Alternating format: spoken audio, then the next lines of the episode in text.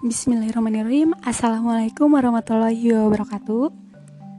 Kembali lagi dengan saya Nadianti Nurfadila dari akuntansi BUP 2019 Dalam podcast kali ini saya akan sedikit membahas mengenai perilaku ekonomi dalam perspektif Islam.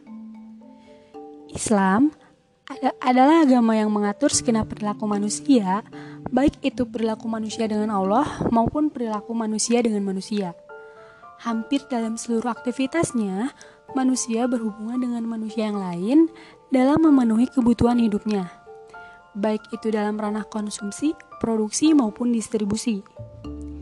Dalam menjalankan kewajiban manusia dalam berkonsumsi, Islam mengatur bagaimana manusia dapat melakukan kegiatan-kegiatan konsumsi yang membawa manusia berguna bagi kemaslahatan hidupnya. Seluruh aturan Islam mengenai norma-norma aktivitas konsumsi ini terdapat dalam Al-Quran dan As-Sunnah. Perilaku konsumsi yang sesuai dengan ketentuan Al-Quran dan As-Sunnah akan membawa pelakunya mencapai keberkahan dan kesejahteraan hidupnya. Dalam Islam, konsumsi tidak dapat dipisahkan dari peranan keimanan. Peranan keimanan menjadi tolak ukur penting karena keimanan memberikan cara pandang dunia yang cenderung mempengaruhi kepribadian manusia. Keimanan sangat mempengaruhi kuantitas dan kualitas baik dalam bentuk kepuasan material maupun spiritual. Namun, dari itu semua, seorang muslim yang baik haruslah mengerti tentang teori-teori konsumsi menurut Islam demi kebahagiaan dunia dan akhirat. Selanjutnya, saya akan membahas sedikit tentang kebutuhan manusia dan motif ekonomi. Dalam ajaran Islam, terdapat batasan-batasan dalam mengerjakan suatu perbuatan. Salah satunya adalah batasan dalam berperilaku konsumen. Dalam Islam, tidak adanya konsep utilitas yang artinya kepuasan dalam melakukan suatu perbuatan, sama halnya dengan berbelanja Perilaku konsumen muslim harus mengedepankan kebutuhan, bukan keinginan semata. Karena jika kita terlalu mengedepankan keinginan, maka akan timbul sifat boros atau berlebih-lebihan dan Allah tidak menyukai sifat-sifat tersebut. Sebagaimana seperti yang telah dijelaskan dalam Al-Quran Surat Al-A'raf ayat 31. Yang artinya, Hai anak Adam, Pakailah pakaianmu yang indah di setiap memasuki masjid. Makan dan minumlah, dan janganlah berlebih-lebihan. Sesungguhnya Allah tidak menyukai orang-orang yang berlebih-lebihan. Artinya, penting dari ayat tersebut bahwa kebutuhan hidup harus terpenuhi secara wajar agar kelangsungan hidup berjalan dengan baik. Namun, apabila kebutuhan hidup itu dipenuhi dengan cara berlebih-lebihan, tentu akan menimbulkan efek buruk bagi diri manusia.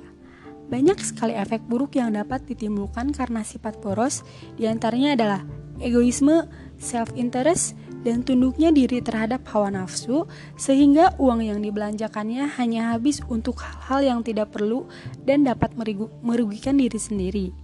Oleh karena itu, dalam menghapus perilaku boros itu, Islam memerintahkan yang pertama, memprioritaskan konsumsi yang lebih diperlukan dan lebih bermanfaat. Dan yang kedua, menjauhkan konsumsi yang berlebih-lebihan untuk sebuah jenis komoditi. Nah, bagaimana sih perilaku konsumen menurut perspektif Islam? Ada beberapa karakteristik konsumsi dalam perspektif ekonomi Islam. Di antaranya yaitu konsumsi bukanlah aktivitas tanpa batas, melainkan terbatasi oleh sifat kehalalan dan keharaman yang telah digariskan oleh syara. Yang kedua, konsumen yang rasional senantiasa membelanjakan pendapatannya pada berbagai jenis barang yang sesuai dengan kebutuhan jasmani maupun rohaninya. Yang ketiga, menjaga keseimbangan konsumsi dengan bergerak antara ambang batas bawah dan ambang batas atas dari ruang gerak konsumsi yang diperbolehkan dalam ekonomi Islam. Dan yang terakhir adalah memperhatikan prioritas konsumsi antara doriot atau primer, haziat atau sekunder, dan takmiliat atau pelengkap. Setelah membahas mengenai perilaku konsumen, selanjutnya saya akan sedikit membahas bagaimana menjadi produsen seorang muslim. Produsen wajib mengamalkan apa yang tidak boleh dilakukan ketika melakukan kegiatan ekonomi dalam Islam, seperti mengurangi timbangan, menjual barang yang kualitasnya kurang baik dengan harga mahal, sehingga konsumen menjadi tertipu oleh produsen. Produsen yang memiliki perilaku ekonomi Islam tidak akan pernah memikirkan berapa banyak lama yang mereka dapatkan. Mereka hanya mementingkan kepuasan konsumen saat mengkonsumsi barang atau jasa yang mereka jual. Juga tidak boleh mengambil riba yang besar dan juga melakukan monopoli dalam proses terjadinya ekonomi. Maka dari itu, kita sebagai seorang muslim harus senantiasa berperilaku bagaimana Perilaku menjadi konsumen yang baik dalam perspektif Islam dan juga menjadi produsen yang baik dalam perspektif Islam juga. E, sekian dari saya, mohon maaf bila banyak kesalahan dan kekurangan. Wassalamualaikum warahmatullahi wabarakatuh.